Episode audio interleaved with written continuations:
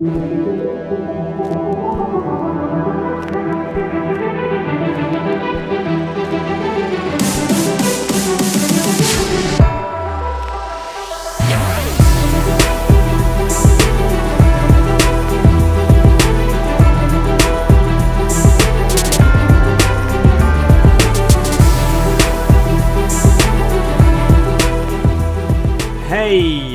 Välkommen till Swetec-podden och ännu ett spännande avsnitt om ett ämne som bygger på eh, ja, väldigt många intressanta infallsvinklar. Eh, alla ni som är där ute vill ju nå framgång och hur når vi då framgång? För det är en prestation som ska göras. Och hur bygger man upp det? Och eh, hur kan jag optimera de möjligheterna? Det tänkte jag ta upp idag.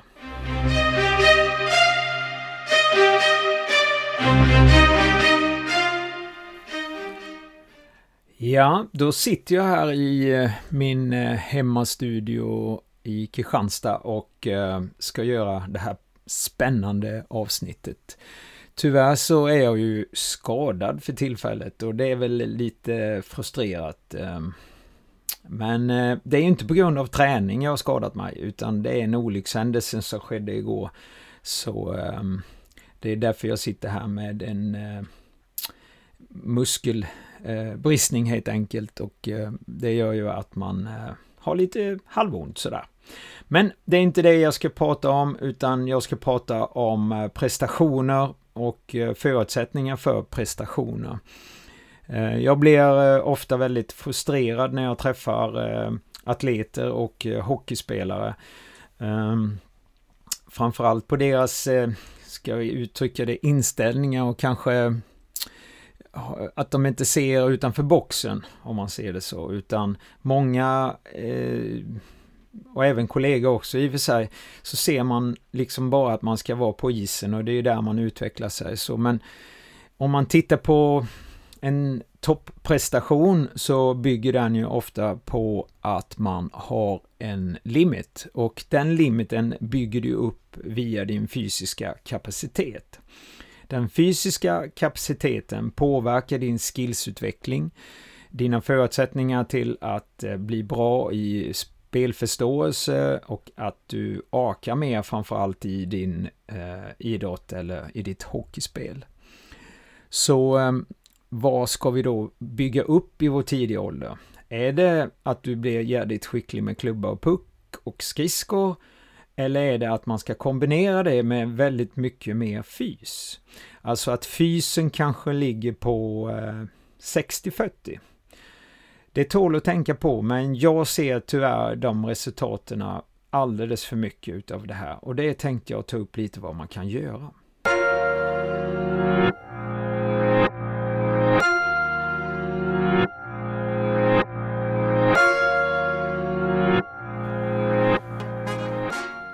Om man då tänker på den här fysiska kapaciteten så är det ju ingenting som man bygger över en dag. Man bygger det över tid.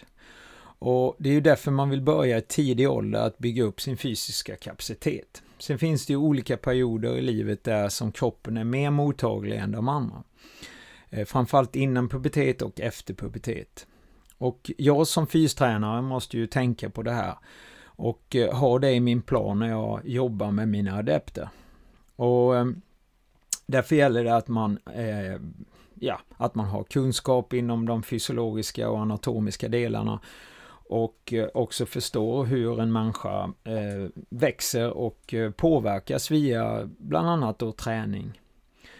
Det som jag tycker att man måste lägga mycket mer energi på i yngre åldrar, det är att öka elasticiteten i strukturerna. Eh, och det finns ju bra andra idrotter att man kan, som man kan titta på som till exempel friidrotten. Sen kan vi ju inte applicera allting från friidrotten till till exempel ishockey. Utan här gäller det att tänka till eh, vad är det vi som ishockeyspelare behöver.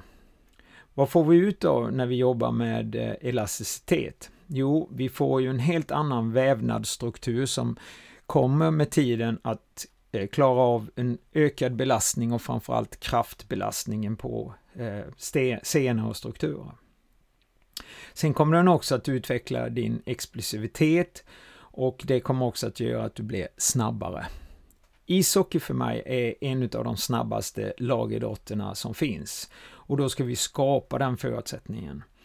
Eh, här tycker jag att man har glömt bort sig lite grann och tittar man traditionellt sett på eh, hockeyfys så är det ju väldigt mycket kraftutveckling med eh, raka moment, alltså som squat med skivstänger och så vidare. Och jag säger inte att det är fel för att jag gör ju det själv inom min idrott och crossfit. Men det är ju en helt annan idrott för där kanske vi ska göra en prestation på en maxvikt till exempel. Men i ishockey så är man ju mer flexibel och man har helt andra påverkningar via tredimensionella rörelser bland annat. Så att man måste kanske då bli starkare i själva rörelserna. Och det är därför som det är så viktigt att i tidig ålder börja med den här elasticitetsträningen och kombinera motoriken så att man kan liksom få ihop de här tekniska detaljerna. Därefter så är ju konditionspåverkan också väldigt viktig och här finns det olika forskningsrapporter som säger att man kanske inte ökar i så mycket med eh, sina konditionsvärden innan puberteten. Och eh, det kan finnas rätt och fel i detta för att under alla de åren jag har jobbat så har jag ändå sett en viss utveckling. Så att det är också individuellt och det finns undantag i allting. Och här tycker jag ju att vi ska lägga mycket, mycket mer energi på att springa mindre och jobba mer med intervallträning. Att kombinera med olika rörelser och eh, andra påverkningsdelar som gör att det blir både roligt och motiverande till att träna fys. För att fysen idag i många klubbar är ju så omotiverad för att det är så traditionellt och ja, mindre bra.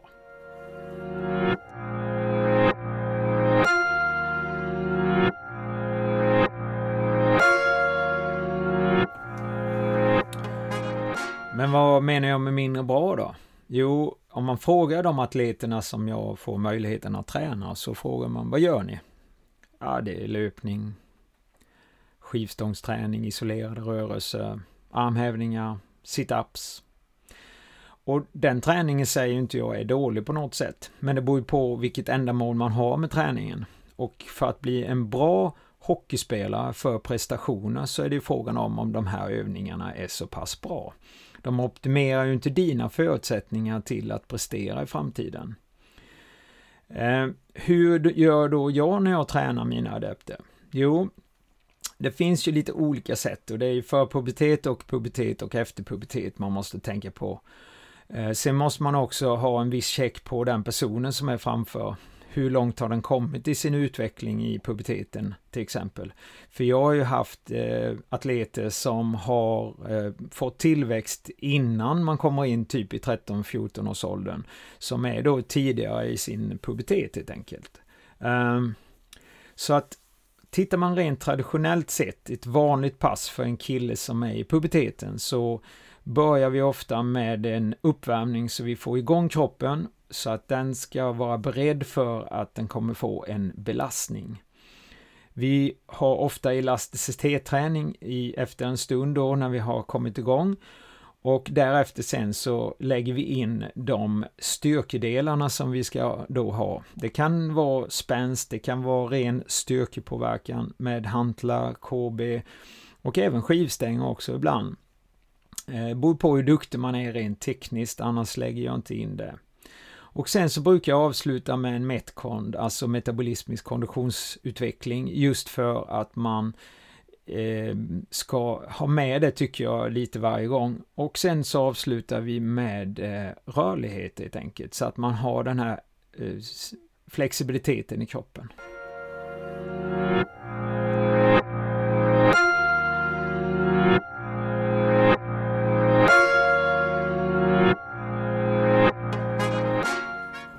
Här kanske inte låter så mycket annorlunda än vad andra tränare och coacher gör och det kan jag väl kanske hålla med om. Det som skiljer vår träningsmetodik, det är ju att vi bygger alltid, alla atleter oavsett idrott, så bygger vi en viss eh, standardstruktur på dem.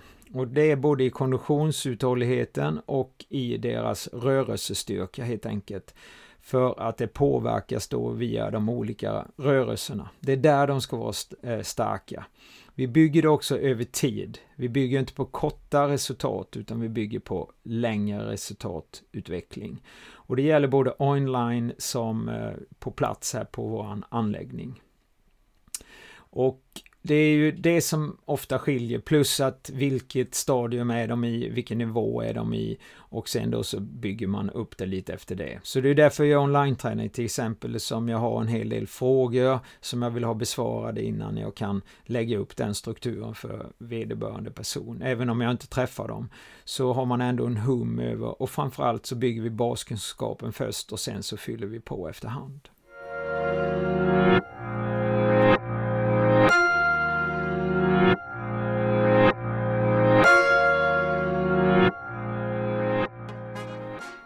Det här gör ju att vi skapar atleter helt enkelt. Atleter som ska prestera både kanske på kortare tid och på längre perspektiv.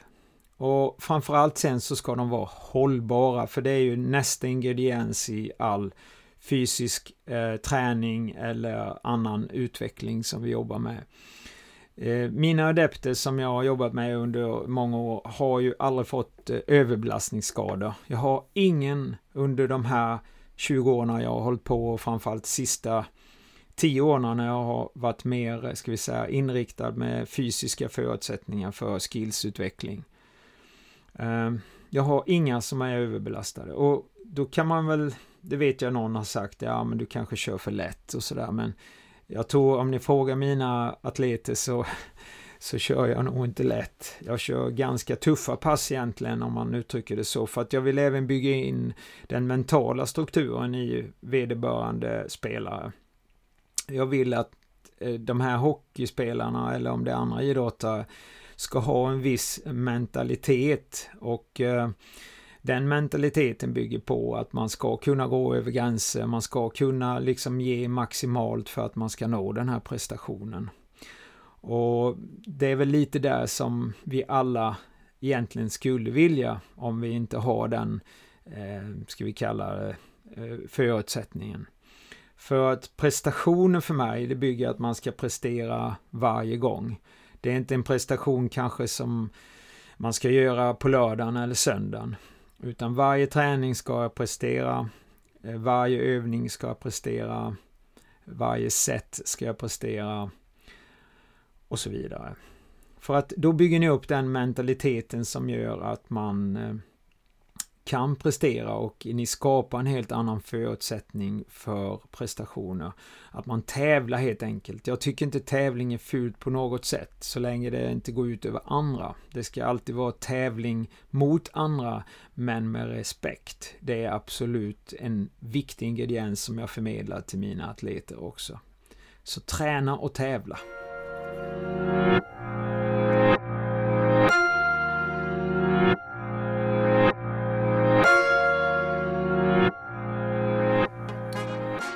En fråga jag får väldigt ofta, eh, både via mail och när man träffar atleter och föräldrar, det är ju hur mycket ska man träna kontra vila till exempel.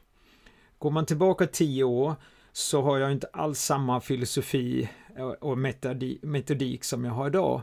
Eh, på den tiden kunde jag köra betydligt mycket mer träningspass under en vecka. Eh, tidsaspekten på passen är väl kanske samma som nu. Det var bara att jag bröt ner dem, tycker jag, ännu mer än vad jag gör idag. Um, och man kanske inte fick alltid den bästa, ska vi säga, återhämtningen för uppbyggnadsfaserna.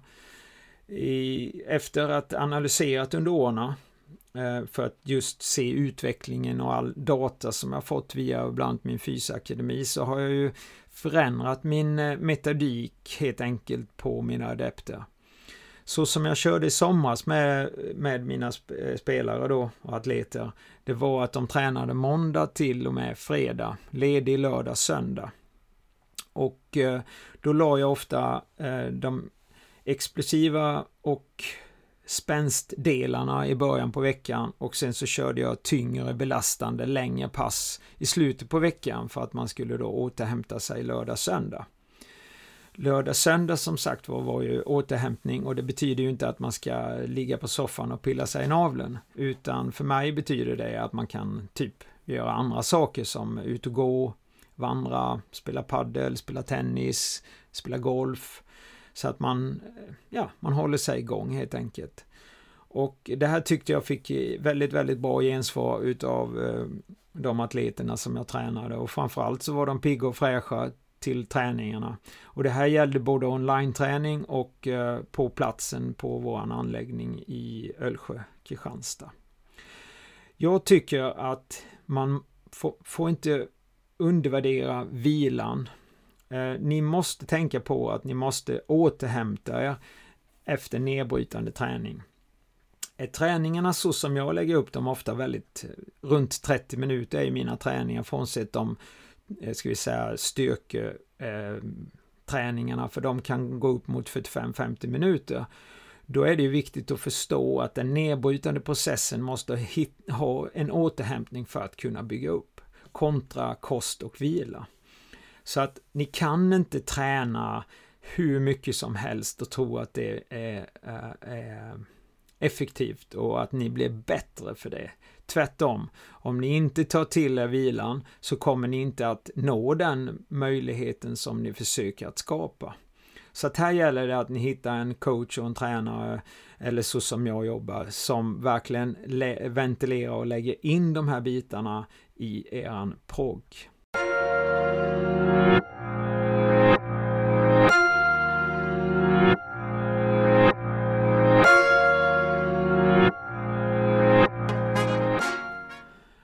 Då tänkte jag att jag skulle avsluta dagens avsnitt. Och det som jag tycker att ni ska tänka på, det är det att jag säger inte att ni ska komma till Svetex alla utvecklingskamper och köra varenda en, utan jag tror på att man ska bygga upp sig och skapa en fysisk kapacitet för att ni ska kunna nå den optimala prestationen på isen. Det betyder att ni ska ha ett väl genomtänkt program, eller POG då som jag kallar det, för er egen utveckling som ishockeyspelare.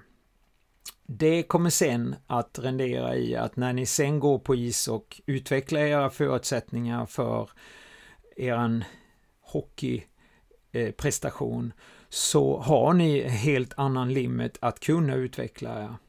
Och framförallt är det ju som så att ni är ju produkten i ishockey. Det är ju inte laget eller som ni spelar i laget är ju en del utav er. Det är ju du som person som är produkten.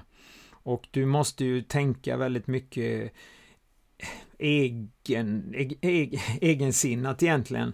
Att om jag ökar min förutsättningar och kapaciteter för prestationer så kommer det ju generera till att laget blir bättre, jag skapar bättre förutsättningar för att kanske nå mina mål. För att om ni tänker det, alla hockeyspelare har ju individuella mål ofta. Man vill ju nå NHL eller SHL eller sitt A-lag i sin respektive klubb. Men ni når inte dit om ni inte skapar de förutsättningarna för det. Och det är det här som gör mig frustrerad, hur ni tränar idag.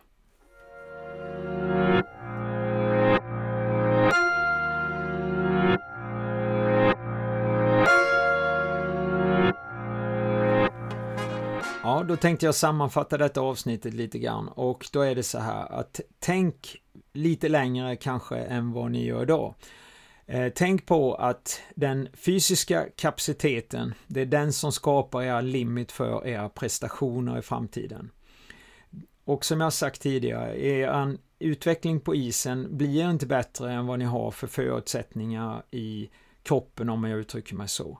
Desto starkare jag är, desto smidigare jag är, desto mer uthållighet jag har, desto svårare övningar och desto bättre resultat kan jag få. För skridskoåkning till exempel handlar ju inte om hur snyggt jag åker, det handlar om hur effektivt jag åker hur mycket kraft jag får ut. Hur mycket syn jag har i de olika vinklarna och så vidare. Klubbtekniken är samma sak och inte riskera skador till exempel. Eh, skulle ni vara intresserade av att få hjälp i det här så rekommenderar jag att ni kan gå in på www.svetechhockey.com eh, eller så går ni på xtraining.se där jag har mina egna träningsdelar Och där kan ni också få er egen programmering, alltså en progg. Eh, det går att kombinera på vilket avstånd, var ni än är, så ni kommer att skapa de bästa förutsättningarna för era framtida prestationer. Jag hoppas vi syns på ett hockeyläge kanske nu den 3 oktober eller på höstlovet. Eller att vi gör det online. Men, grabbar. vi ska prestera. Hockey är roligast utav allt. Ha det gott! Hej!